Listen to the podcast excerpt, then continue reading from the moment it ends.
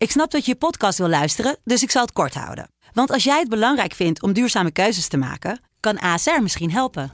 Nou hoor ik je denken, hoe dan? Nou, bijvoorbeeld bij het duurzaam herstellen van schade. Of de premies die we beleggen volgens ons duurzaam beleggingsbeleid. Dat bepaalt waar we wel en juist niet in investeren.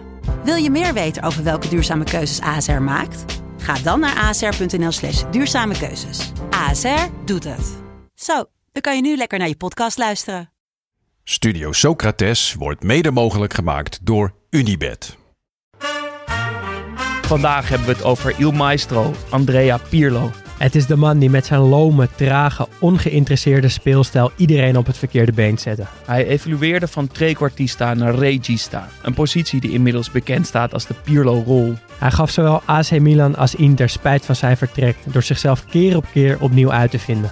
Andrea Pirlo, het hele specifieke puzzelstukje dat perfect op het middenveld van Milan paste. Há muito tempo você está no meu caminho. Como posso esquecer?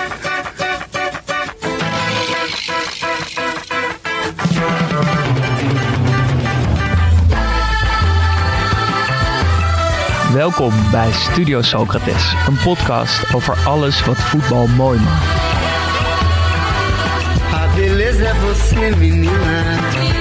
Ha tornato al giocatore Pirlo, la conclusione in rete! Andrea Pirlo!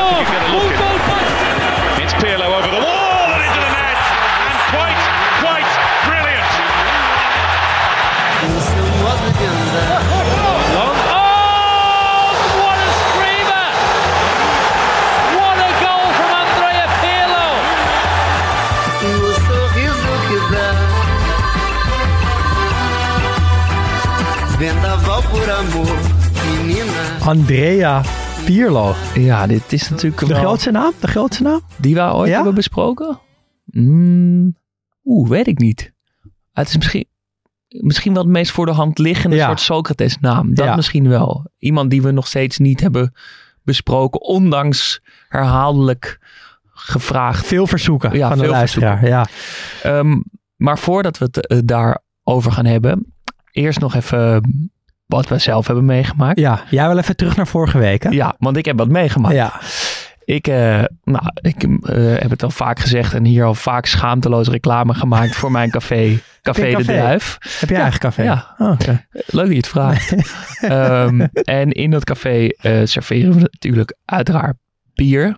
We hebben dan eh Amstel bier schenken we. Dat wordt daar al heel lang geschonken, dus daar gaan we gewoon vrolijk mee door.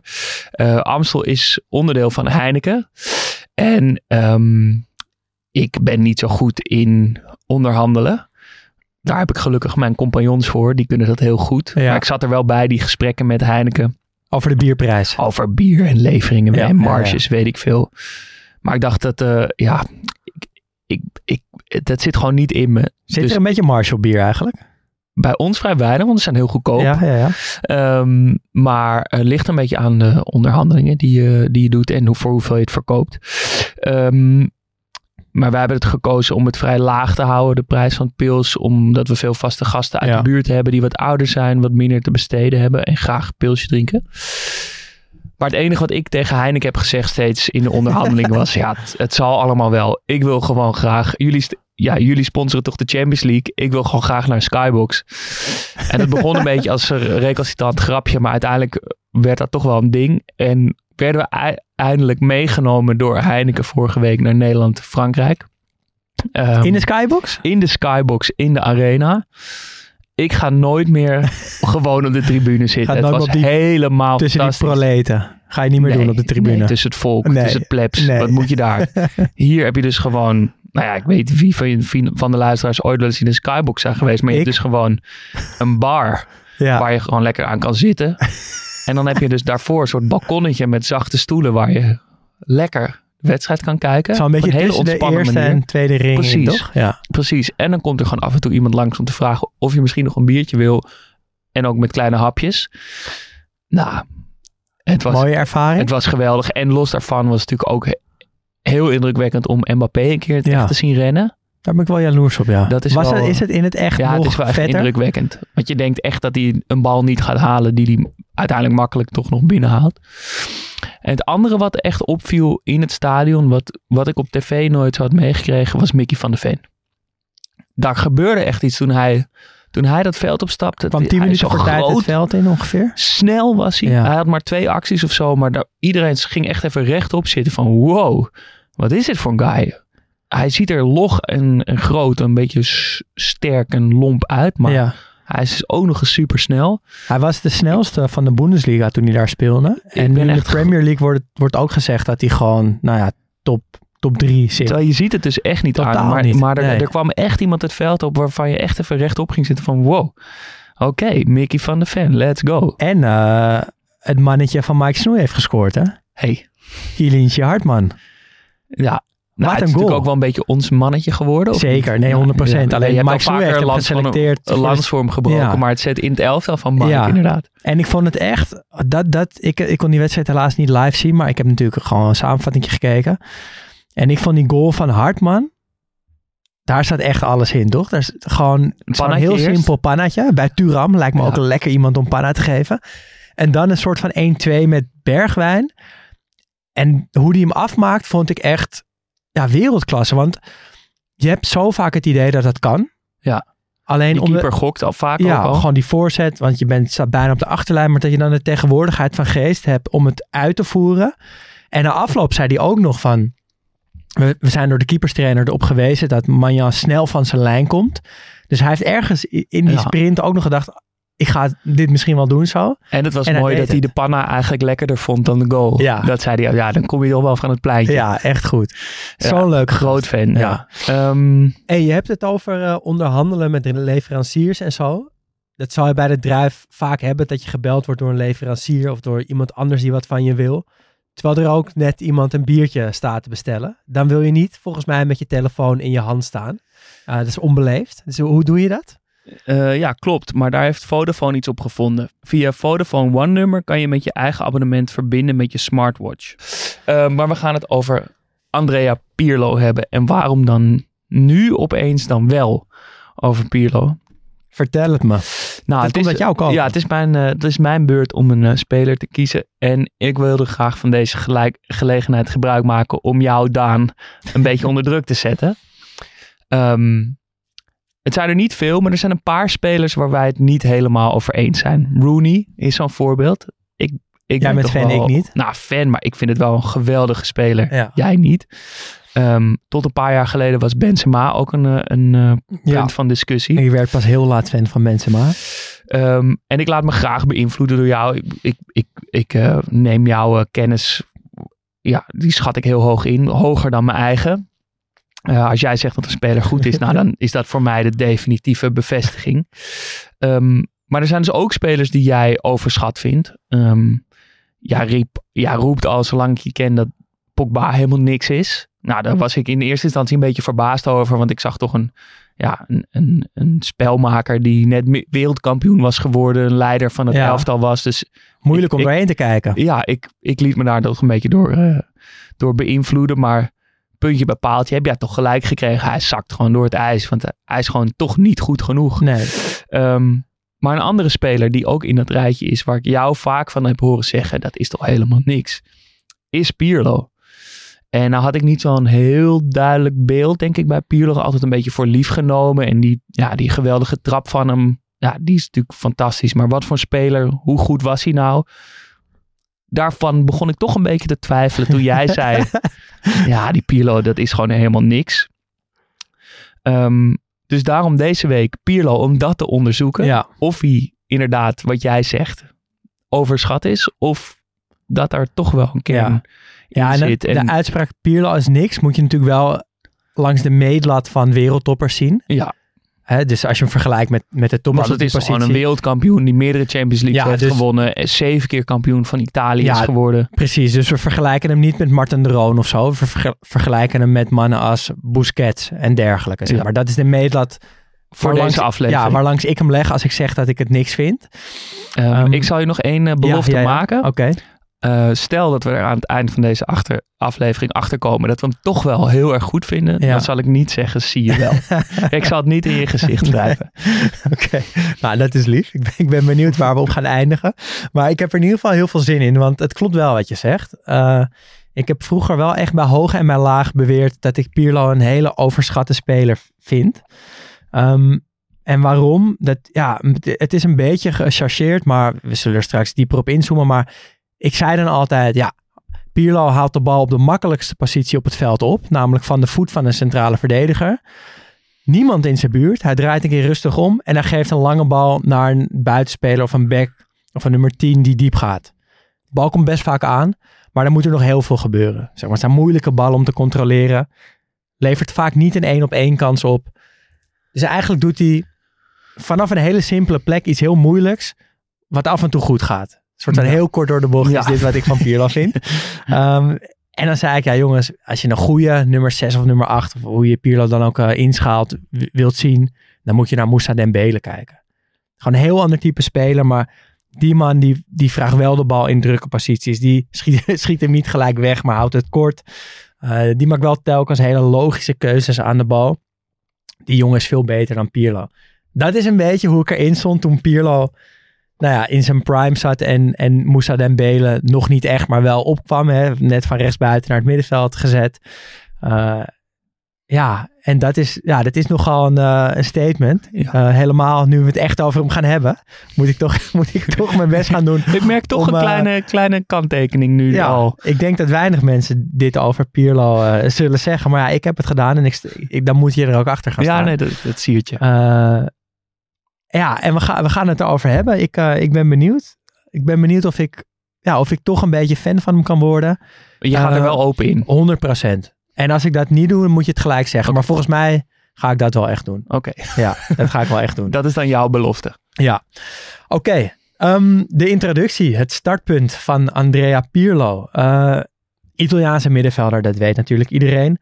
Eh, hij begon zijn carrière bij Brescia en na een paar seizoenen werd hij opgemerkt door internationale. Eh, zij kochten hem, maar verhuurden hem ook weer aan Regina en ook aan zijn oude club. Brescia dus. Ehm, die andere club uit Milaan rook een kans. AC Milan lijfde Andrea Pirlo in. En je zou kunnen zeggen, de rest is geschiedenis. Eh, in Milaan droeg hij bijna tien jaar het rood-zwart van de Rossoneri. Hij won twee keer de Champions League en nog veel meer Scudetto's. Toch werd hij na bijna een decennium trouwe dienst best wel respectloos afgeserveerd. Zijn contract werd niet eh, verlengd. Eh, Milan dacht dat, eh, dat hij op was. Maar Juventus hapte toe. En hij werd warempel vier keer achter elkaar kampioen in het wit-zwart van de oude dame. Haalde ook nog de finale van de Champions League. Dat was die finale tegen Barcelona. 3-1 voor Barcelona werd dat. Ehm, ja, en na die vier jaar was het wel een beetje klaar. Hij ging naar Amerika, New York. Sloot zijn carrière daar nog af. Drie jaar voetbalde hij in de Big Apple. En toen eh, was het basta. Ehm, hij speelde ondertussen 116 interlands voor Italië. En hij werd natuurlijk in 2006 wereldkampioen. Geboren op 19 mei 1979. En pas, zou ik willen zeggen, 44 jaar oud. Zeker pas, want ja, hij voelt eigenlijk altijd al als een oude, Ja. wijze man. Ja. En dan is 44 valt dan nog best wel mee. Ja. Maar het is natuurlijk ook een lange carrière geweest. Hij is nog niet zo heel lang gestopt. Eh, is alsnog heel lang doorgegaan. En is altijd in ons leven geweest. Gewoon Ja. vanaf het moment dat we begonnen met voetbal kijken, ja, bijna tot nu, want hij is nu natuurlijk ook weer trainer, zit hij gewoon in ons voetballeven. Zeker. Leuk om over te hebben. Wat, eh, wat is jouw eerste herinnering eh, aan, aan de man? Ja, ik, ik, ik, eh, de eerste heri- herinnering. Ik weet dat ik in herhaling begin te vallen. En het is al zo vaak benoemd. Maar ja, het is toch het eerste waar Ja. ik aan denk. De steekbal op Gozo in de halve finale tegen Duitsland. WK 2006. Ja, daar hebben we het heel veel over gehad. Eh, en het dan gaat wel vooral over het juichen van Gozo ja, natuurlijk. precies. Dat is jouw lievelingsmoment in de voetbalgeschiedenis bijna ongeveer. Ja, in ieder geval Ja. het mooiste juichen Ja. ooit. Ehm, maar over die steekbal van Pirlo hebben we het toen natuurlijk ook wel een klein beetje gehad, maar minder. Ehm, dus dat gaan we nu wel doen. Want ik vind het een vrij typisch moment voor zijn speelstijl. Ehm, omdat er zit wat heel, ja, looms, traags, ongeïnteresseerds in, in. Als je hem ziet voetballen. En dat bedoel ik niet negatief. Dus eigenlijk best wel ja, iets typisch en iets moois. Ehm, maar als je het vergelijkt met nou, bijvoorbeeld an- andere spelers die we besproken hebben, zoals Beckham. Daar zit in elke paas, trap, sliding, juichen, zit een soort van urgentie in. Dat hij alles, maar dan ook alles geeft op dat voetbalveld. Voor die drie punten. Voor het shirt wat hij draagt. Voor het voetbalspel eigenlijk. En bij Pirlo is het, ja, heb je meer het gevoel dat hij de hele dag druif heeft staan stampen en een beetje wijn heeft lopen maken. en dan een potje gaat voetballen en dan gaat eten in zijn lievelingsrestaurant. Dat het er een beetje doorheen tussendoor komt, zo'n wedstrijdje. En dat, ja, dat, bij die paas om Grosso heb ik dat ook, toch? Hij, hij, hij krijgt die bal, hij kijkt een beetje om zich heen. Zal ik gaan schieten? Nou, toch een steekpaasje.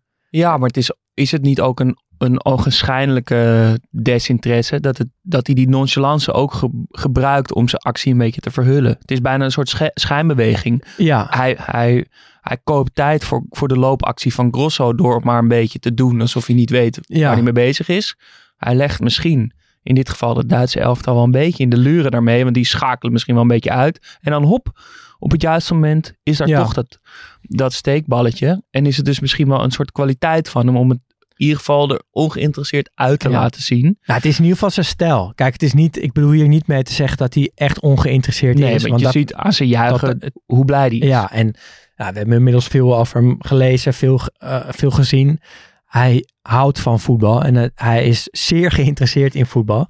Alleen die speelstijl, ja, het, eh, het ziet er wel zo uit. En ja, het, het past ook goed bij de speler Pirlo, toch? Bij, bij zijn uiterlijk, ook Ja. bij dat baardje en bij een, een wijntje, een mooie man. Eh, en dan helpt het ook wel als je heel cool voetbalt. En zo ziet het er wel uit. Ja, Toch nonchalance heeft altijd iets, iets cools. Ja, dat is zeg maar die nonchalance is misschien komt misschien voort uit het feit dat hij geen druk voelt. Ja. En dat schijnt dus ook echt zo te zijn. Ik vond een, een, eh, een heerlijke quote van hem waarin hij zegt nou over deze eh, WK-wedstrijd I don't feel pressure. I don't give a toss about it. I spent the afternoon of July 9th in Berlin sleeping and playing the PlayStation. In the evening I went out and won the World Cup. Andrea Pirlo. Was getekend. Ehm, dat is, I don't give a toss about it. Ik denk dat hij bedoelt, I don't give a toss about De spanning. de spanning. Ja. Niet om de wedstrijd, want hij wilde natuurlijk heel graag wereldkampioen worden. Maar het feit wat misschien nog wel het meest ehm verbaast aan deze quote is dat die PlayStation. Ja, En hij schijnt echt een, een Had fanatieke gamer te zijn. oké. Ik had toch gedacht dat hij voorafgaand aan de WK-finale met een oude man een potje schaak speelde en een boek las. Terwijl er een kamerorkest op de achtergrond speelde. In plaats van dat hij, weet ik veel, FIFA ging spelen.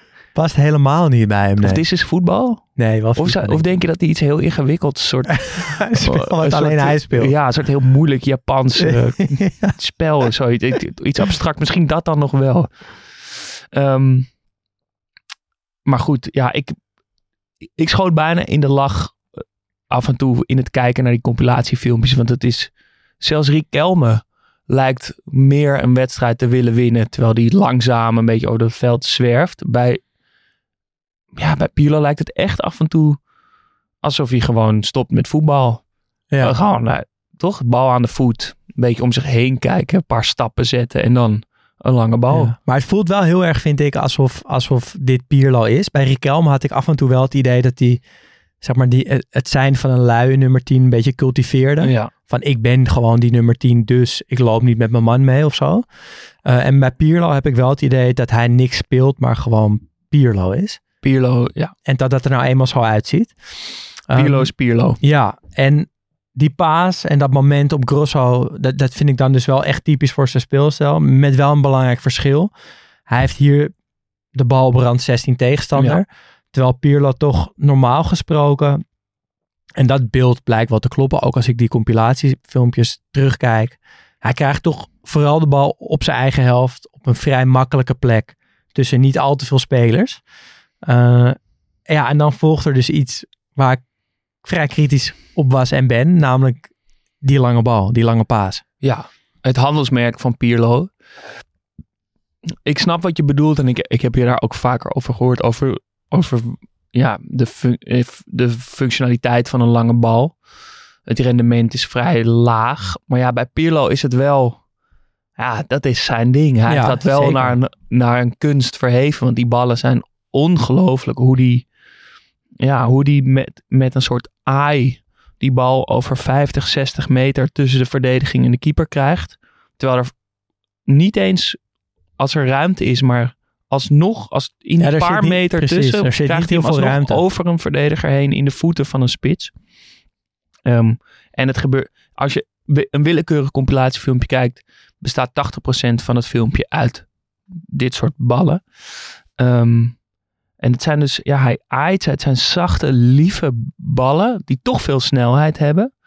Ehm, en dan is het niet lief of zorgzaam in de manier waarop we het bij, bij Eusiel erover gehad hebben. Die, waar echt een soort, een soort ruimhartigheid, een soort een, een gulheid in zit voor, naar een spits toe. Bij, bij Eusiel is, het namelijk, is er nog meer werk al gedaan. Daar, daar is Al het werk zou je 90% kunnen van, die, van ja. die goal zit al in, in de assist. En een spits hoeft er eigenlijk alleen nog tegenaan te lopen. Ehm, en bij Pirlo zijn het vaak toch diepe ballen waar een, waar een aanvaller nog wel heen moet. Er moet nog wel een, een loopactie ge- gemaakt worden. Die, die kans moet, je, moet de spits nog wel grijpen. En wat opvalt aan veel van die ballen is dat Pirlo vaak voor de verdediging in het midden van het veld die bal krijgt. Heel centraal. En een, en een paas ook vrij verticaal geeft. Dus die gaat niet schuin naar links of naar rechts buiten. Maar die komt bijna altijd ploft die recht voor de keeper neer. En dat betekent dat een spits of een buitenspeler die op die bal loopt. Vaak een beetje schuin of ook ja, dwars vanuit- die bal moet aannemen. Ja, terwijl die, en die moet dan die bal in dezelfde richting als waar die bal vandaan komt zien te verlengen. En dat is natuurlijk een moeilijke bal. Je hebt liever eentje die op je afkomt Ja. en die je tegendraads kan inkoppen of die je Ja. dwars kan spelen. Maar deze moet je dus eigenlijk doorschieten. Terwijl die al met een best hoge snelheid aankomt. En ik denk dat dat ook wel reden is waarom het, waarom het minder Effectief is, denk ik. effectief is Ja. dan bijvoorbeeld die ballen van Eusiel. Ja, nou, het, het zijn hele mooie ballen, ontegenzeggelijk. Inderdaad, omdat ze vaak ja, heel verticaal van aard zijn eigenlijk. En wat ik dus, dat geldt voor Pirlo dan inderdaad iets minder. Maar wat ik dat zo moeilijk vind aan zo'n crossbal, is dat die vaak, nou ja, zijwaarts veel meters overbrugt en verticaal niet eens zo heel veel. Dus hoe, hoeveel schiet je nou werkelijk op op zo'n veld? Hoeveel meter naar voren ga je nou daadwerkelijk? Dat is bij Pirlo anders, want het zijn vaak ballen die, die echt heel veel meter overbruggen richting het goal van de tegenstander. Uh, maar het zijn geen, ja, ze, ze, komen niet op een dienblaadje aan bij de spits. Nee. Het zijn inderdaad geen Eusielballetjes. En dat blijf ik dus wel lastig vinden aan de speler Pirlo. Want is het een bal, is het een bal die je zelf heel graag wil geven, omdat je dat nou eenmaal goed beheerst? Of is het iets waar het team heel veel profijt van heeft? Uh, daar zit denk ik wel een interessant spanningsveld. En je ziet het ook wel een klein beetje terug in zijn statistieken. Want in die hele lange carrière is er maar één seizoen geweest waar hij meer dan 10 assists in een jaar geeft. Uh, en in zijn gehele loopbaan speelt hij uiteindelijk 756 wedstrijden. En scoort hij 73 keer en geeft hij 132 assists. Ja, dus ongeveer één doelpunt per 10 wedstrijden en één assist per 5 wedstrijden ongeveer. Niet bijster veel, ook niet heel slecht, ja. want hij speelt natuurlijk terug hij is misschien wel in een iets eerdere fase van Zeker. het doelpunt uh, betrokken. Maar ja. het, is, het, gaat, het lijkt bij Pirlo inderdaad meer om de bal, om die assist te gaan of die lange bal te gaan, dan om het, het uiteindelijke scoren. Ja. Bij Pirlo gaat het vooral, ja, het is toch een beetje een loner. Hij speelt die bal omdat hij die bal wil spelen. Ja, en niet ook um, kan. En hij speelt hem dus vaak vanaf een positie, ja, ja de, de nummer 6 positie eigenlijk. En, dat... en het zijn dus moeilijke ballen voor een spits, maar wat, wat dan opvalt in dat rendement is dat het, nou, ondanks dat het moeilijke ballen zijn, dat hij wel de, de twee bijna ideale spitsen daarvoor ja. zijn hele leven ongeveer voor hem heeft gehad. Namelijk Inzaghi en Shevchenko. Ja, die loeren op dit soort balletjes ja, constant. Die, als, je, als je dan een spits wil die op kan duiken en kan afmaken, ja. dan zijn het toch wel die twee. Ja. En dat, dan, dat het dan toch een beetje tegenvalt, ja, dat, dat knaagt. Ja. Maar misschien, daar komen we straks nog wel op, dat hij in, in het spel zelf heel veel waarde toevoegt. En dat, dat ja, het, het draait bij hem natuurlijk ook niet alleen om assist en doelpunten, zeker niet zelfs. Um, maar omdat hij zo vaak die bal geeft, had ik misschien ergens wel verwacht dat er wat meer rendement in zou zitten. Um, nou, dat, dat ligt natuurlijk aan de positie waarop hij speelt. Als zes ja, is natuurlijk logisch dat je minder assists maakt dan als je een 10 bent.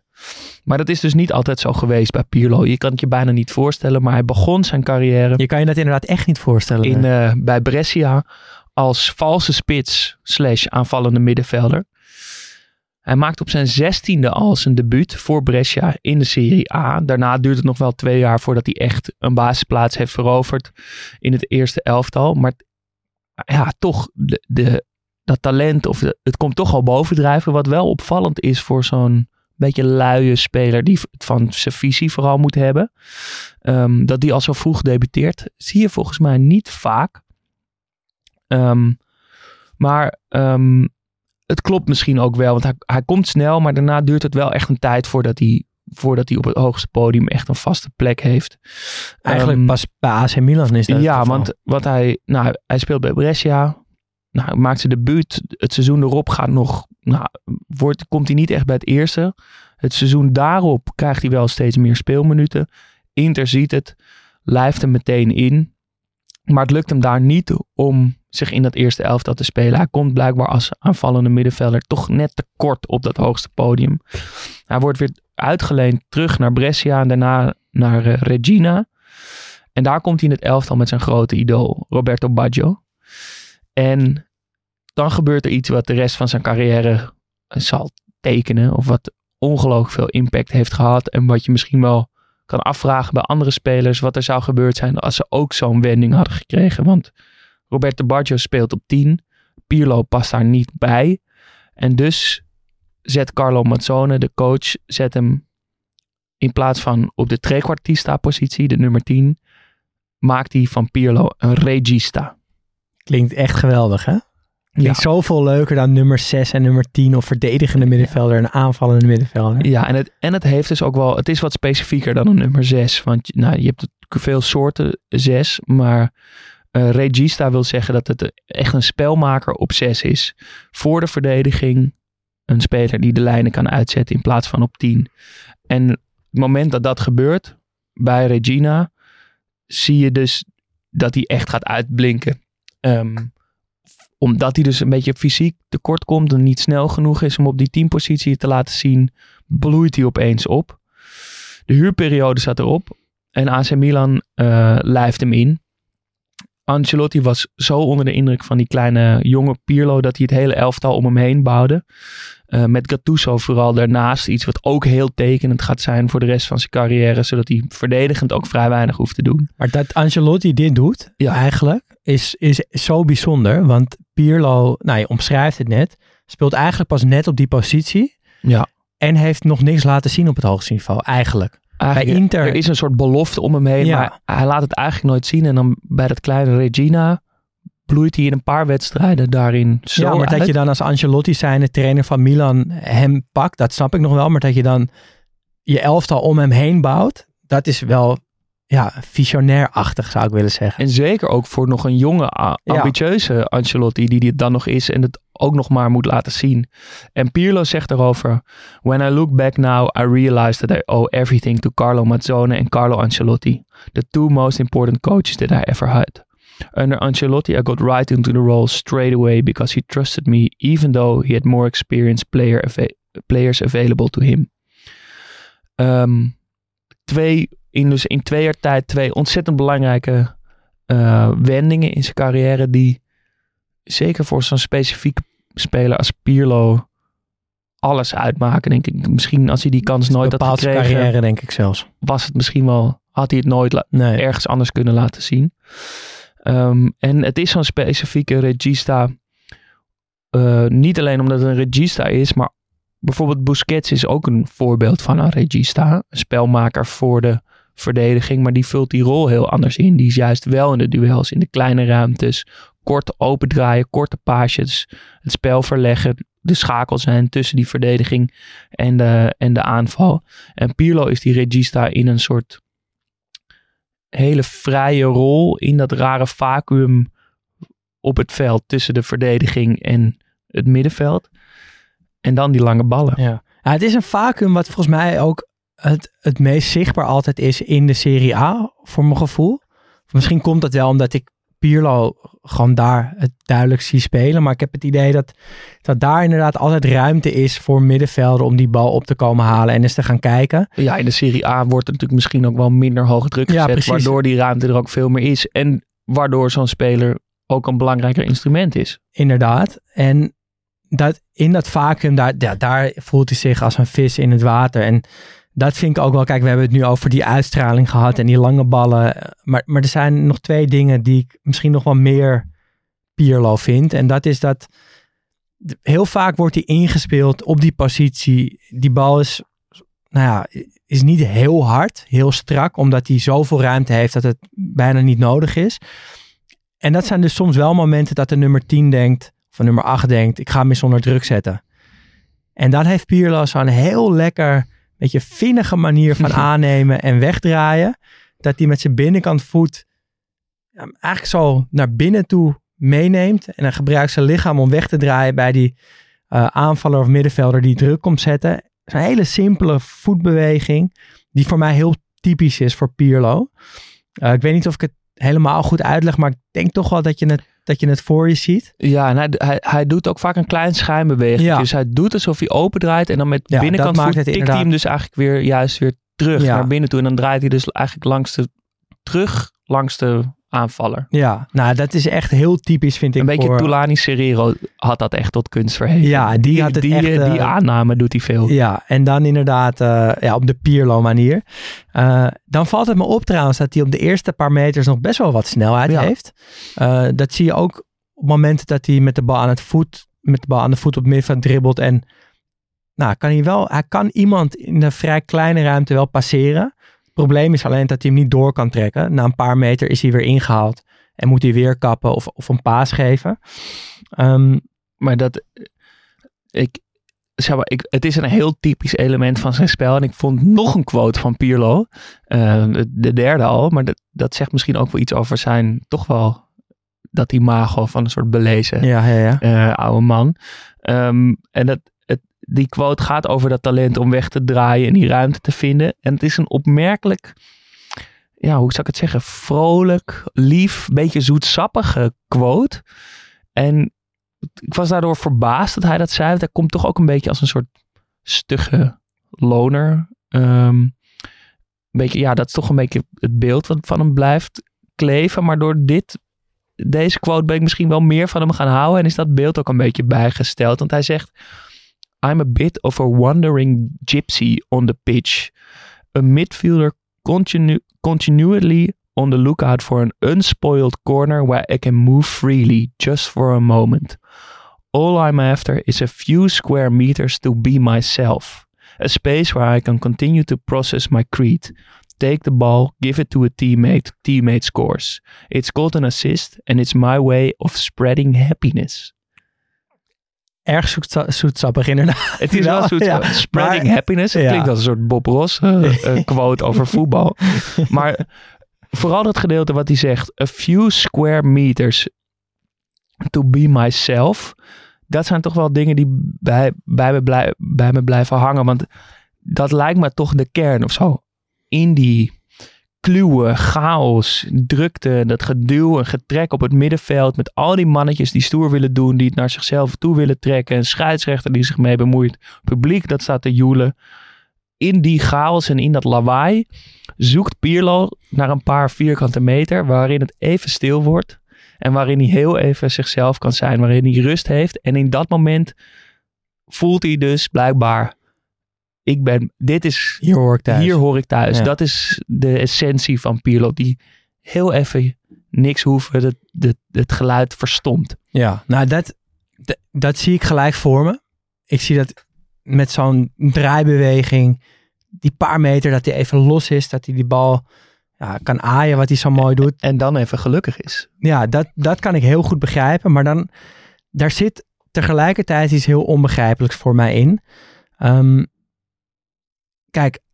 een speler als Pirlo zou ik zeggen, die, die wil die bal hebben. Nou, Ja. dat, in dat eerste gedeelte van zijn spel zit dat er ook heel erg in. Van hè, dat zoeken naar die ruimte, die bal komen ophalen, dat korte wegdraaien. Eh, nou, die quote die jij net geeft. eh, dat daar heel bewust mee bezig zijn, vind ik, ja, heel veel plusjes achter de naam van elke middenvelder die zo over voetbal denkt. Ehm, maar wat ik, wat ik er heel ingewikkeld, ingewikkeld aan vind, is dat het resultaat vervolgens vaak zo'n lange bal is. Want dan denk ik, dan heb je die bal eindelijk. Ja, dan heb je je gezicht naar de goal. Ja, dan, dan, dan heb je je ruimte gevonden. Dan ben je los van de tegenstander. En dan, heel, heel kort door de bocht gezegd, dan schiet je hem weer weg. Dan zou, dan zou ik dus denken, dan hou je hem toch? En dan niet dat je de- iedereen voorbij gaat dribbelen, maar dan speel je hem toch kort naar Seedorf. Dan loop je een metertje naar links, krijg je hem terug. Speel je hem naar de back, kom je hem weer ophalen. En ga je zo bouwen aan, aan, iets moois. Ehm, kijk, dat is wat, wat ik bij Xavi altijd zo mooi vond. Die, die, ik denk dat hij in de eerste fase redelijk hetzelfde is als Pirlo. Op zoek naar die paar meters om zichzelf te kunnen zijn. Uh, maar vervolgens is hij heel, ja, bijna op een schaakmanier bezig om de, de volgende vrije ruimte op het veld te vinden. En ja, met, met zijn collega middenvelder zo die kant op te schuiven. En dan weer een beetje de andere kant op te schuiven. En dan weer iets naar voren te schuiven. En in dat proces raakt hij twintig keer de bal aan. En als je echt van de bal houdt, dan zou ik toch denken dat je het op die manier wilt spelen. En dat je niet meteen, als je die paar vierkante meter hebt gevonden, dat je, dat je die bal weer weggeeft. Ja, ik, ik, als je het zo zegt, snap ik dus ook helemaal wat je bedoelt. Dat vind ik gewoon zo jammer. Het is heel, want hij schiet gewoon die bal weg. Ja, de, kijk, het zijn uh, mooie ballen. Het zijn dus mooie ballen, maar, maar komen vaak aan, hè, want het percentage is hoog. Wat ja, aankomt. maar het is inderdaad niet alsof hij tegen zijn teamgenoten zegt: Oké, okay, jongens, we gaan aanvallen. Nee. Hij krijgt die bal. En het, het gaat dus, wat ook uit die quote blijkt, gaat het even over het moment daar met in rust die bal hebben. Wat er vervolgens mee gebeurt in die aanval en het met elkaar naar het goal van de tegenstander toe. Het is vrij individualistisch ja, eigenlijk. Dat interesseert hem blijkbaar dus ook nee. niet zoveel. Natuurlijk, het zijn fantastische ballen en hij kan een bal spelen zoals nou, alleen misschien Beckham ook zo'n precieze controle over een bal heeft. Maar uh, ja, dat, het, het gaat hem even over die paar momenten stilte. Ja. Of zo. En, en niet om de bal. Nee. Ja, het, is, het is een... Uh, het is een, een, dualiteit die, die ik moeilijk uh, te, te, begrijpen uh, vind, maar die wel. Uh, ja, het, het, heeft ook wel wat moois dat hij het gewoon op zijn eigen manier doet. En die trap van hem is fantastisch. En dat brengt me bij het punt wat me eigenlijk het meest verrast heeft van Pirlo. Zijn vrije trappen. ja, ik vind, ja. Dat, ik vind dat. Het verbaast me dat ja? jou dat verbaast. Ja, ik wist wel dat hij een goede vrije trap had. Tuurlijk. Alleen hij, het is een veel betere vrije trap dan ik dacht eigenlijk. En het is ook een, een, een, manier van, van het nemen van een vrije trap die zo goed bij hem past. Ja.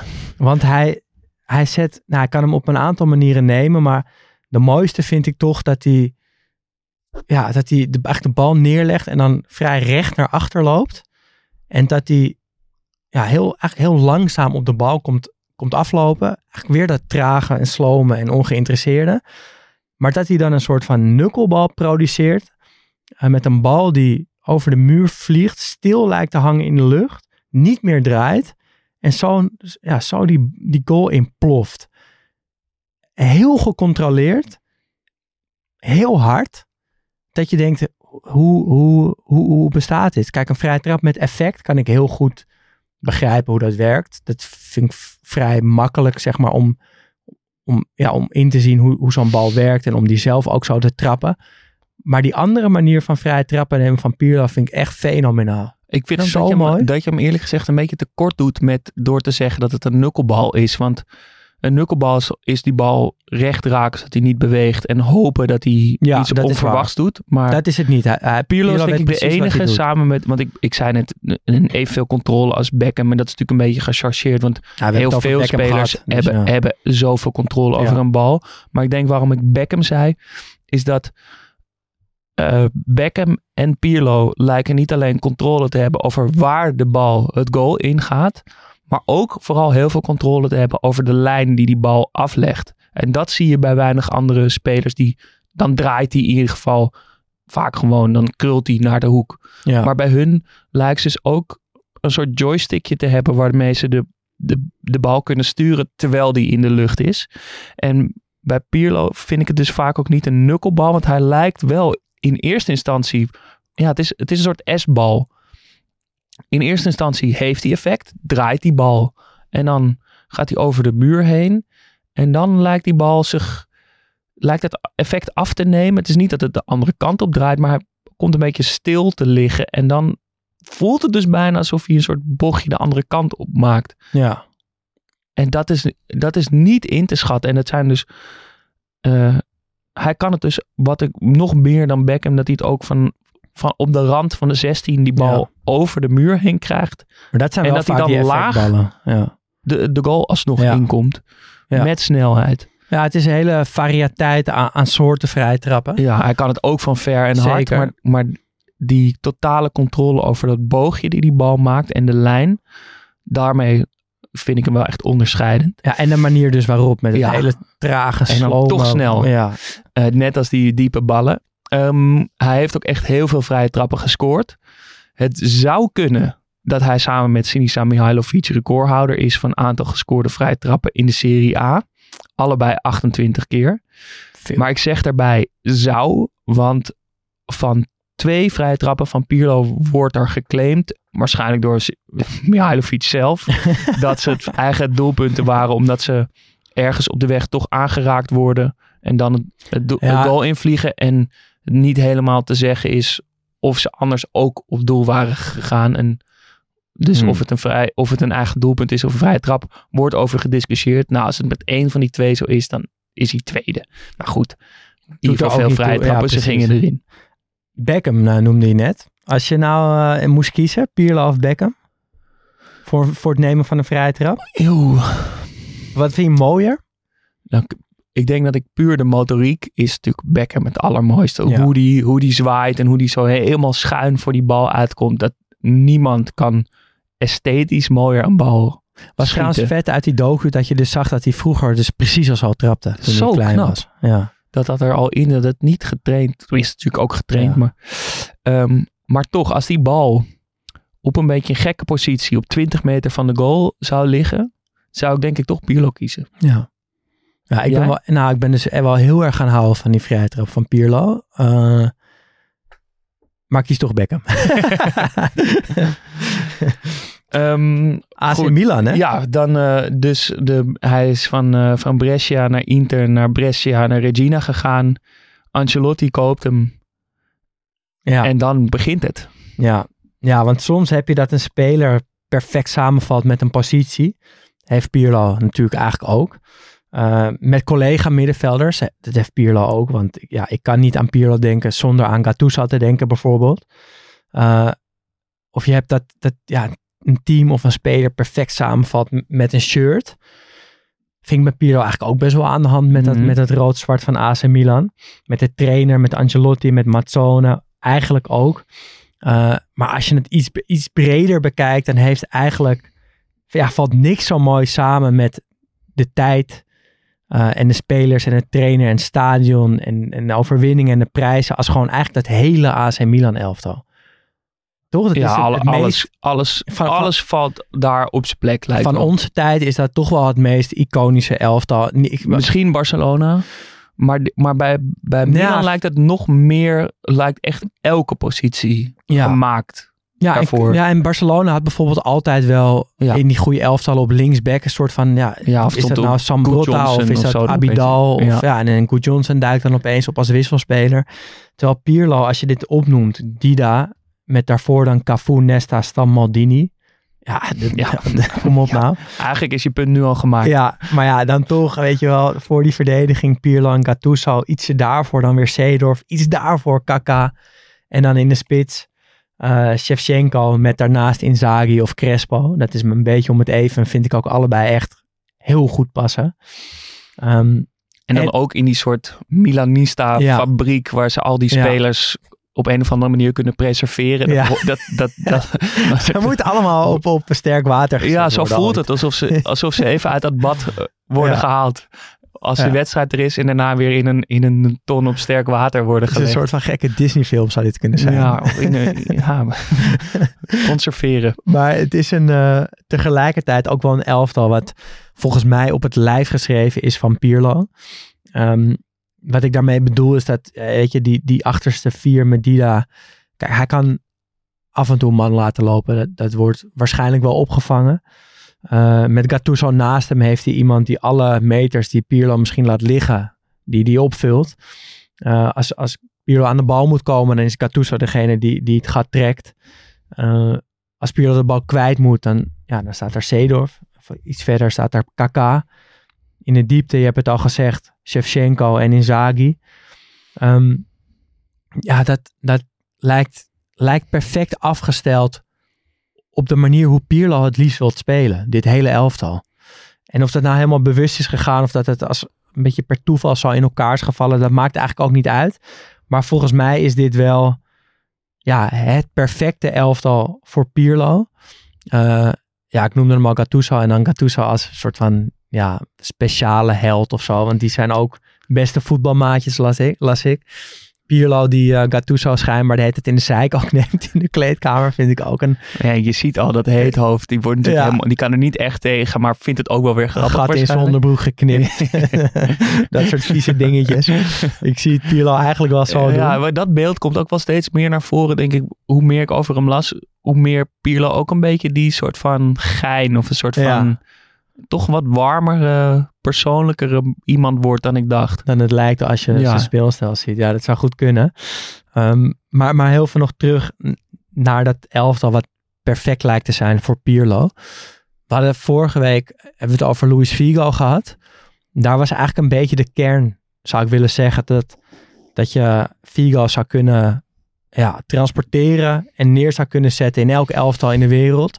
En dat Figo gewoon zijn ding doet dat het goed is. Tot zeer goed eigenlijk. Mhm. En dat het dus ja, en dat het niet zo heel veel uitmaakt waar, of je nou bij Manchester United speelt, of bij Real, of bij Barcelona, of bij Olympique Lyon Ja. voor mijn part. Hij doet gewoon zijn Figo-ding. En bij Pirlo vraag je af, can he do it on a rainy night in Stoke? Ja, dat Mm. vraag ik me heel erg af. Ehm, heeft hij niet gewoon een soort van vrij specifiek elftal nodig om tot volledige wasdom te komen? Ja, ik denk dat specifiek een woord is wat, wat goed bij Pirlo past. Want het is een specifieke speler die inderdaad, denk ik, een heel specifiek elftal om hem heen nodig heeft. Die sloper, zoals Gattuso, is denk ik heel belangrijk. En lopen de mensen voor hem is ook heel belangrijk. Ik ben bang dat hij in een vrij statisch elftal, waar hij verdrinkt op een middenveld, toch echt niet makkelijk erboven komt drijven. Maar ja, ik weet, het is, het is ook dubbel, want Ehm, hij heeft ook een heel groot aanpassingsvermogen. Hij, hij weet bij, dus van, van trequartista naar regista aan te passen. Dan weet hij zich aan te passen aan het team van Milan. Dan weet hij zich weer aan te passen aan het team van Juve.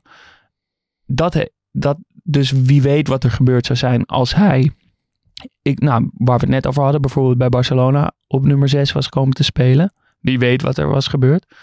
Maar aan de andere kant, Misschien had hij die lange ballen wel afgeleerd dan. ja, maar aan de andere kant is hij ook weer zo eigenwijs dat Ja. ik denk dat hij dat eigenlijk toch ook nooit had gedaan. En misschien wel iets meer betrokken was geworden in dat spel, maar alsnog wel graag die bal in de diepte had gespeeld. Ja, ja het is lastig. Ik, ik vind het altijd een beetje een, eh, ja, nou niet per se een onzin-discussie of zo, maar ik vraag me dan natuurlijk zelf ook meteen af van ja, had hij het in de Premier League gekund of zo? En dan denk ik, ja, denk het eigenlijk niet, maar het maakt ook niet zoveel uit, want hij heeft daar ook helemaal niet gespeeld en Nee. hij heeft het bij Milan gewoon geweldig gedaan, bij Juventus ook, dus hoe interessant is dat nou? Maar toch vind ik het wel, kijk, er zijn gewoon sommige spelers die dat ja, het is wel een kwaliteit om het overal en altijd te kunnen laten zien, onafhankelijk van wie jouw teamgenoten of tegenstanders zijn. En ik denk dat bij, eh, bij Pirlo dat dus wel, ja, dat hij die kwaliteit misschien niet helemaal heeft. Ehm, we hadden het net ook af, eerder eventjes over assist en statistieken en eh, nou ja, dat dat eh, oké was, maar niet heel erg top. Maar daar wil ik wel tegenover zeggen dat als je wat dieper in de statistieken duikt van Pirlo, dus wat verder kijkt dan doelpunten en assist, dat hij wel degelijk hele goede statistieken kon overleggen. Ehm, en dat gaat vooral over ja, het meten. Opta heeft het natuurlijk allemaal eh, op orde. Van wel, hoeveel aanvallen beginnen nou bij, eh, bij Pirlo? Eh, en dat is dus twee à drie keer zoveel dan bij andere verdedigende middenvelders in de Serie A uit zijn tijd. Eh, dus, ja, dus bijna elke aanval beg- begon eigenlijk bij Pirlo. En ook als je dan naar die passing maps kijkt uit die tijd, dan zie je dat die vier verdedigers verreweg het meeste naar Pirlo pasen. En dat Pirlo dan ook weer vrij specifieke passes naar, naar de linksback en naar Kaka en naar Seedorf heeft. Dus dat is wel leuk om te zien dat dat beeld wat je dan van hem hebt, dat dat ook klopt. Ehm, en dat het dus misschien ook ja, niet zo relevant is of hij nou heel veel assist en doelpunten gaf. Want hij was gewoon een soort van het, ja, het startpunt van het elftal. Ja, en qua statistiek, daar moeten we nog wel aan toevoegen dat hij bij Milan in vier jaar tijd twee Champions Leagues eh, eh, won, één Champions League finale verloor en een WK won. En daarmee, ja, je kan zeggen wat je wil, maar het is dus blijkbaar toch ook een van die spelers die altijd prijzen voor je, voor je wint, zonder dat je misschien precies doorhebt wat hij nou toevoegt aan Hij gaat naar Juve en hij wordt vier keer kampioen. hij, hij wint wel gewoon Ja. de hele tijd alles. En dat ja, het kan op een gegeven moment. Ja, of is het gewoon mazzel dat hij steeds in het goede elftal speelde? Dat kan toch bijna Nee. niet? Daar doe je hem echt tekort mee, denk ik. Want ik vind het wel trouwens een hele leuke vraag. Want ik denk dat dat vaak wel zo is. Eh, dat, dat mensen, dat spelers prijzen worden toegewezen waar ze eigenlijk niet zo heel veel mee te maken hebben. Dus ja, maar hij heeft het eh, WK gewonnen. Dan denk ik, ja, oké, maar dat Goede plek, goede moment. precies. En daardoor dit jaar erop ook weer op de goede plek, op het goede moment. Ja. Maar bij Pirlo was dat niet zo. Want Ancelotti koos Pirlo heel duidelijk om zijn elftal omheen te bouwen. Eh, dat heeft tot heel veel resultaat geleid. Ehm, hij heeft een hele aanwijsbare grote bijdrage geleverd in, in eigenlijk al die successen. Ehm, dus nee, dat is, dat is geen mazzel. Pirlo was gewoon een van, zo niet de belangrijkste speler in al die prijzen. Ehm, maar ja, ja het- je moet die, ik vind wel, je moet die vraag altijd stellen bij mensen die veel prijzen hebben gepakt. Is dat nou toeval of is dat echt kwaliteit? Eh, hetzelfde wat je nu een beetje met, eh, bij Ajax hebt met die Soutalo. Dat een aantal wedstrijden slecht speelt. En dat iedereen dan zegt, ja, maar hij is toch Kroatisch international? Dan denk ik, ja, dat, dat zal wel. Wout Weghorst is ook Oranje International, precies, zeg dus- je dan. Ja, of de Roon is, is ook international. eh, heeft heel veel Nederlandse elftalwedstrijden gespeeld. Maar is hij nou per se een goede voetballer? Is dat nou waarop je hem beoordeelt? Waarom doe je niet gewoon je ogen open en ga je zelf kijken? En dan kan je er, kan je er iets over zeggen. Ehm, Pogba hebben we het al even, eh, hebben al even genoemd. Hetzelfde verhaal. Ja, die is wereldkampioen geworden. Ja, daar werd op een gegeven moment 100 miljoen voor betaald. Maar wat stelt het nou echt voor? Ehm, maar Pirlo echt andere categorie hoor. Ja. 100%. Absoluut, want eh, hij blijft het maar bewijzen. Er lijkt ook geen einde aan die carrière van hem te komen. Ehm, ik denk ook dat het een speler is met zo'n lange carrière, omdat hij het nooit van zijn snelheid heeft hoeven hebben. Dus hij is ook wel typisch zo'n lange carrière speler. Ehm, maar het is inderdaad, wat jij ook al even zei, Milan denkt op een gegeven moment dat ze Pirlo niet meer nodig hebben. Dus na tien jaar wordt hij aan de kant gezet door president Adriano Galliani. Die vervolgens later daarover zegt dat het een van zijn grootste, of de grootste fout is die hij ooit heeft gemaakt. En dat hebben we vaak Dat hebben we vaak gehoord, want- Pirlo. Eh, bij Inter, eh, als hij daar dus na een huurperiode eh, het laat zien bij Regina, laat Massimo Moratti hem gaan. En zegt daar vervolgens ook over. En dan gaat hij dus naar Milan. En dan Ja. zegt Moratti daar vervolgens ook over dat het zijn grootste fout ooit is.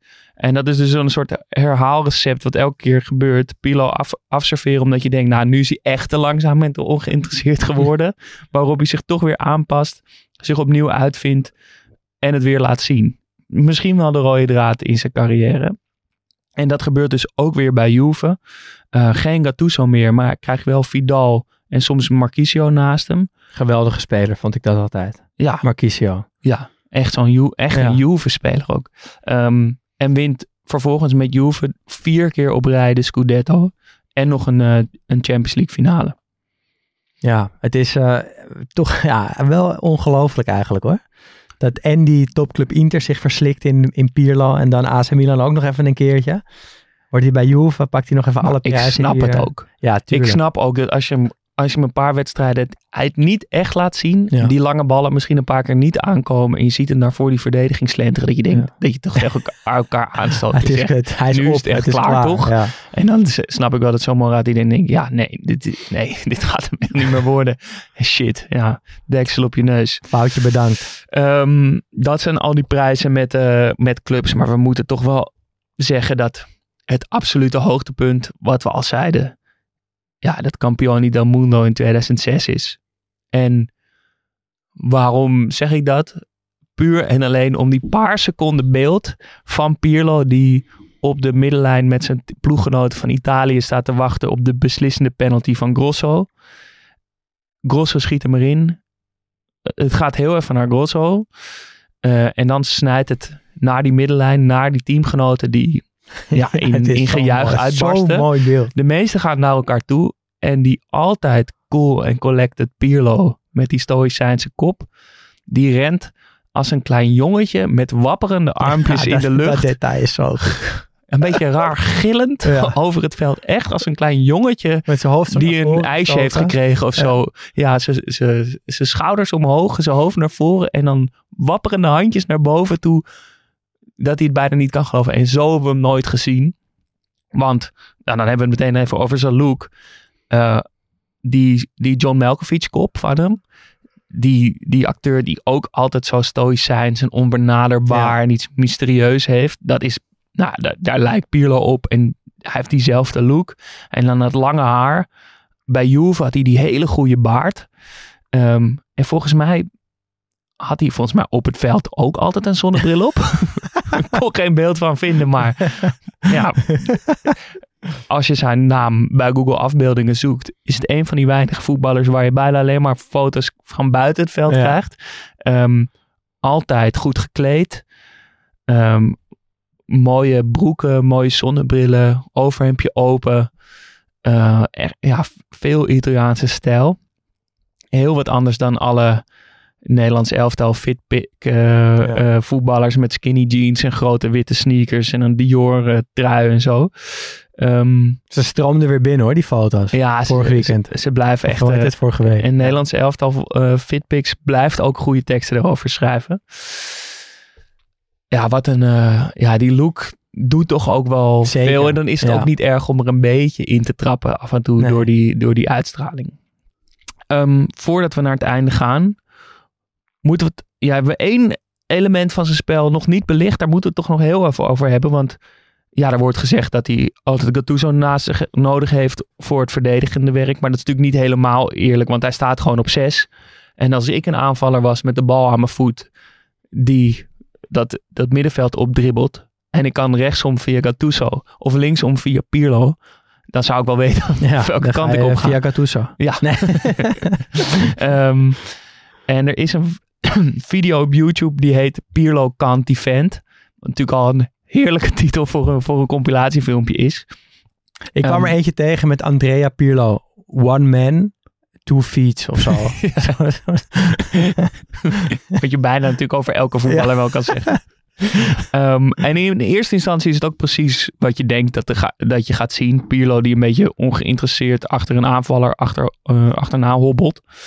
Ehm, maar dan halverwege maakt die video een soort eh, switch. En dan zeggen ze nee, maar wacht even. Hij kan wel heel goed verdedigen, want het is niet in het gejaag achter een bal aan en alles ervoor doen om hem terug te veroveren. Maar het is op dezelfde manier waarop hij eh, speelt. Namelijk met visie en overzicht en rust. Kijkt hij gewoon heel veel om zich heen. Hij scant sowieso heel veel. Ja, ook voordat zeker. hij de bal krijgt. Maar dus ook in het verdedigen. Zie je hem de hele tijd om zich heen kijken. En heel rustig paaslijnen, ruimtes, aanvallers. Gewoon rustig afstoppen door er manier van verdedigen die heel goed bij hem past eigenlijk. Ja, en dat, dat, is misschien toch wel een beetje eh, onderschat van hem. Want dat doet hij gewoon heel goed. En dat, die visie en die rust op het veld kan hij echt heel goed. Komt hij vervolgens wel in het duel, dan valt op dat hij heel veel slide. Ja, heel je veel alles korte duwen, Ja. eh, korte soort harde tackletjes. Niet zo'n Ja, Wan-Bissaka een of Eh, die hem nog even terughalen. Maar het, ja, echt. Ehm, dat, dat valt op. En moet hem dus iets meer credits voor het verdedigen geven dan we tot nu toe hebben Ja. gezegd. Oké. Nou, dan hebben we een vrij, eh, in een uurtje een vrij compleet beeld, denk ik, van Pirlo eh, weten te schetsen. En dan de grote vraag, hoe, hoe gaan we hem herinneren? Hoe, hoe, ja, waar ligt hij langs de meetlat van de internationale topvoetballers? Ehm, ja, we hebben het dus over zijn verdedigen nog even gehad, over zijn uitstraling, over dat lekkere wegdraaien, over die diepe ballen, over zijn vrije trappen. Ehm, allemaal belangrijke aspecten van zijn spel. Maar de essentie van Pirlo hebben we daarin nog niet gevat. Ik denk dat dat een beetje naar voren kwam bij dat AC Milan verhaal al. Want de essentie van Pirlo is dat hij gewoon degene is die de klok laat tikken, toch? De, de metronoom van het elftal, het hart van het elftal. Eh, ja, de deep lying playmaker, zoals ze dat in Engeland zo mooi zeggen. Eh, niet zo mooi als de regista, maar ik vind het toch ook altijd een goede term. Eh, ja, en als je het over de Pirlo-rol hebt, dan snapt iedereen die iets van voetbal weet gelijk wat je ermee bedoelt. En dat vind ik wel altijd heel mooi. Als, als, ja, als er iets, als een voetballer het voetbal iets geeft, zeg maar. Hè? Bekken met zijn vrije trappen. Pirlo met deze specifieke rol. Wat meer dan een prijs is voor mij eigenlijk. Dat, ja, dat Pirlo kan zeggen, ja, ik heb gewoon eigenlijk mijn eigen positie. Iedereen snapt wat je bedoelt met de Pirlo-positie. En dat is blijvender dan, Dat is blijvender dan een prijs, vind ik eigenlijk. Uh, zoals Guardiola ook zei, niemand gaat je herinneren om die wedstrijd. Je, je wordt voor in de eeuwigheid word je Ja. echt herinnerd door de manier van spelen. Of het nou over elftallen of over spelers gaat. En dat heeft Pirlo wel het voetbal gegeven. Uh, en dat, dat is groot. Dat is groot. Ja, wat bij mij blijft hangen is dat Pirlo een instrument is. Het is, het is geen allround speler zoals bijvoorbeeld Seedorf, die, die voor hem stond natuurlijk. Maar je kon hem voor, voor die specifieke rol perfect gebruiken. En de coaches die dat snapten en andere spelers beschikbaar hadden om hem in stelling te brengen, die werden door hem beloond. En het, het voelde dus een beetje als, als een soort sniper in een, in een leger. Tuurlijk is een tank, ja, daar, dat, dat is Sterker, sterker en, met, en eh, kan harder ja. schieten en heeft meer bepansering en weet ik veel wat. Maar voor die specifieke rol en die specifieke opdracht is die sniper uitermate effectief en in sommige scenario's veel belangrijker dan een grote tank. En ik, ik, ik, ik denk dat dat bij mij het meest blijft hangen over hoe specifiek die kwaliteit van hem is. Ja. Ja, en blijf ik dan bij, bij mijn idee dat ik Pirlo een overschatte speler vind. Lastig hoor, vind ik het toch het is wel. wel het zit Want- op het randje. Ja, want wa- wat we dan toch op het einde nog tegen zijn gekomen, dat hij dat voetbal wat blijvends heeft gegeven met die invulling van een positie, dat, dat vind ik echt schitterend. Uh, maar tegelijkertijd is het toch echt niet mijn manier van voetbal. Ik vind nog steeds dat, ja, dat het net te makkelijk is, zeg maar. Dat hij net te veel op makkelijke posities de bal krijgt en net te veel lange ballen speelt, wat, wat niet mijn stijl is. Um, dus de moeilijkheidsgraad, en dat is toch wat ik, van het, wat ik aan het begin ook vond. De moeilijkheidsgraad van zijn manier van voetballen ligt gewoon vrij laag. Uh, en dat vind ik jammer daaraan. Maar, Maar, dat wil niet tegelijkertijd. zeggen dat zijn talent niet wereldtop is. Het wil gewoon zeggen dat hij dat, dat talent in kan zetten op ruimtes waar, het, waar dat goed tot, ze, tot uiting komt. Hoe bedoel je? Nou, die, de, de ballen die hij geeft, die manier van schieten, dat is absoluut van een andere planeet. Dat is wereld. Maar wat jij zegt, zeg maar, je, zegt, je neemt daar niks van af. Je zegt alleen, dat komt tot zijn recht op een positie die vrij makkelijk is. En daardoor misschien minder knap. Mm, ja, Of onderken je ook het talent van hem om die diepe bal te geven?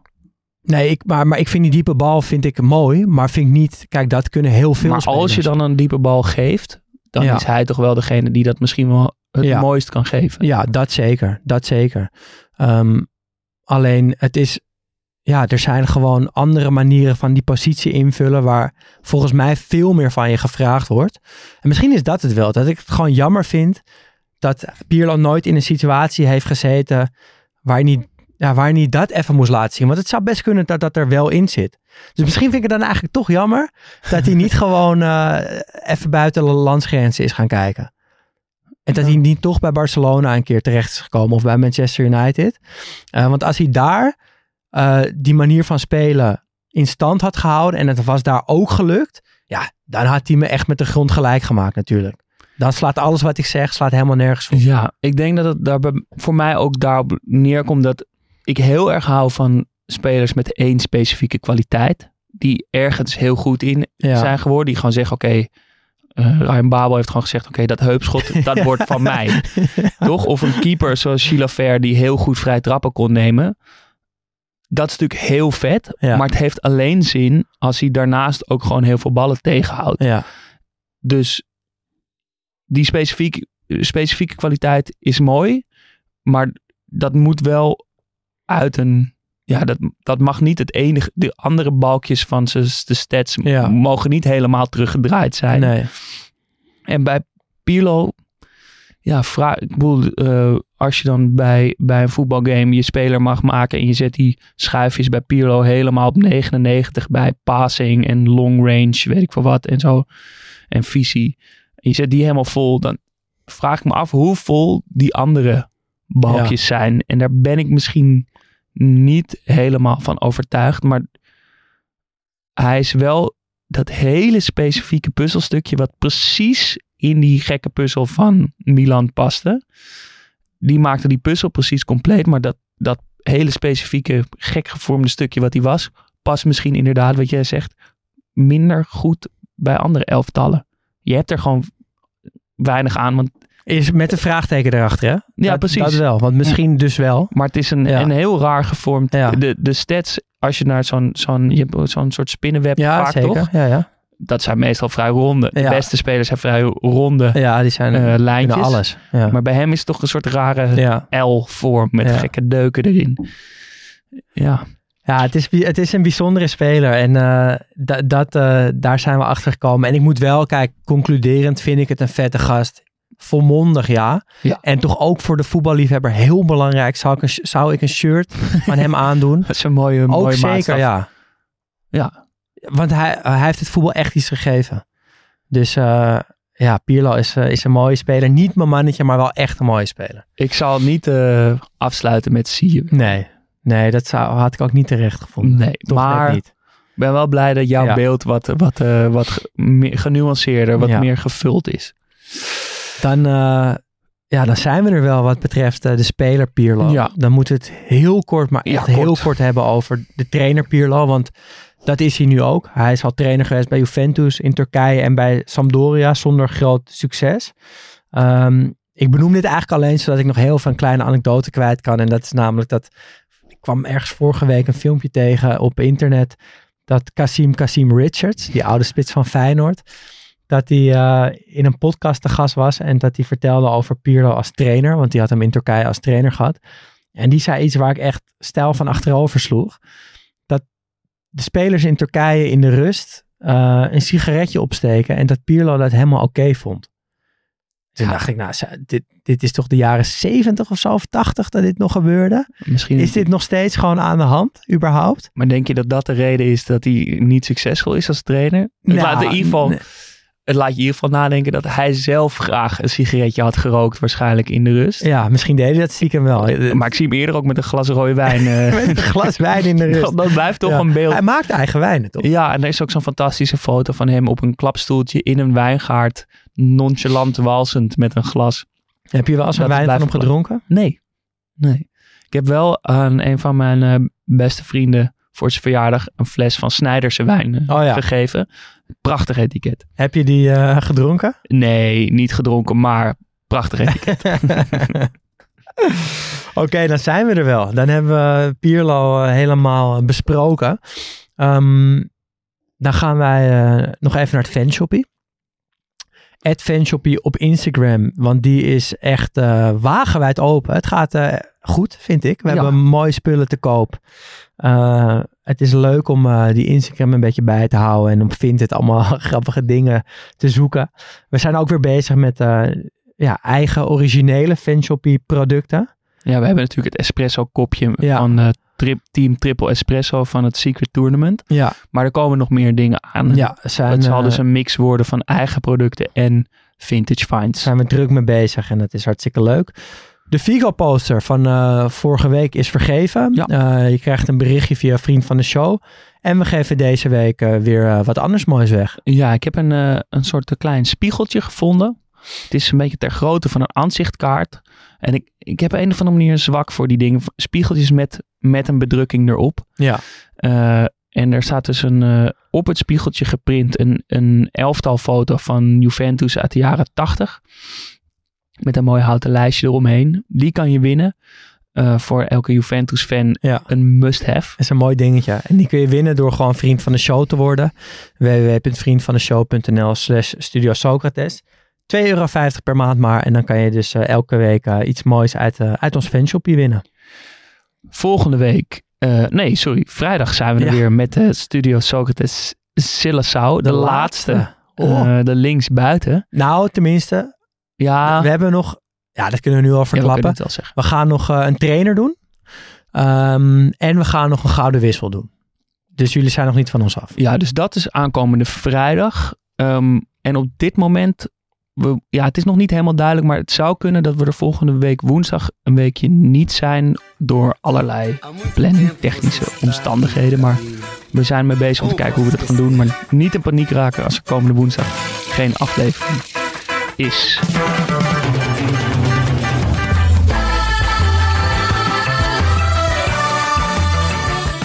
Alright. Dat is de administratie. Eh, maar niet voordat ik heb gezegd dat Studio Socrates mede mogelijk wordt gemaakt door FC Afkikken. We zijn te vinden op Twitter en op Instagram studio-socrates. En op vriendvandeshow.nl slash Studio Socrates kun je dus, zoals gezegd, ons steunen voor al vanaf 2,50 euro per maand. En maak je daarmee kans op een product uit onze eigen fanshoppie. Ja, dus volg Fanshoppie op Instagram als je dat nog niet doet. En word dus vriend van de show. Ehm, mailen kan ook als je dat graag wilt. Studio Socrates podcast gmail.com. En dan zijn wij er hopelijk woensdag weer. En, eh, oh nee, in ieder geval vrijdag en dan hopelijk woensdag. En anders die vrijdag en anders weer die woensdag. Nou, je snapt het heus wel. Eh, tot de volgende in ieder geval. Tot de volgende.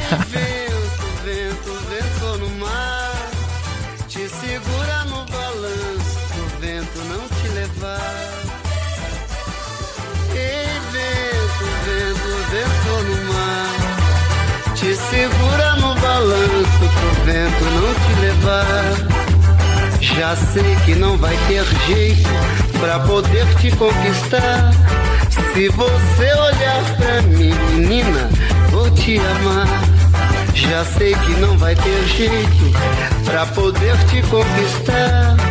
Se você olhar pra mim, menina, vou te ganhar. Ei, vento, vento, vento no mar. Te segura no balanço vento não te levar. Ei, vento, vento, vento no mar. Te segura no balanço pro vento não te levar. Como posso te esquecer? Não tem jeito.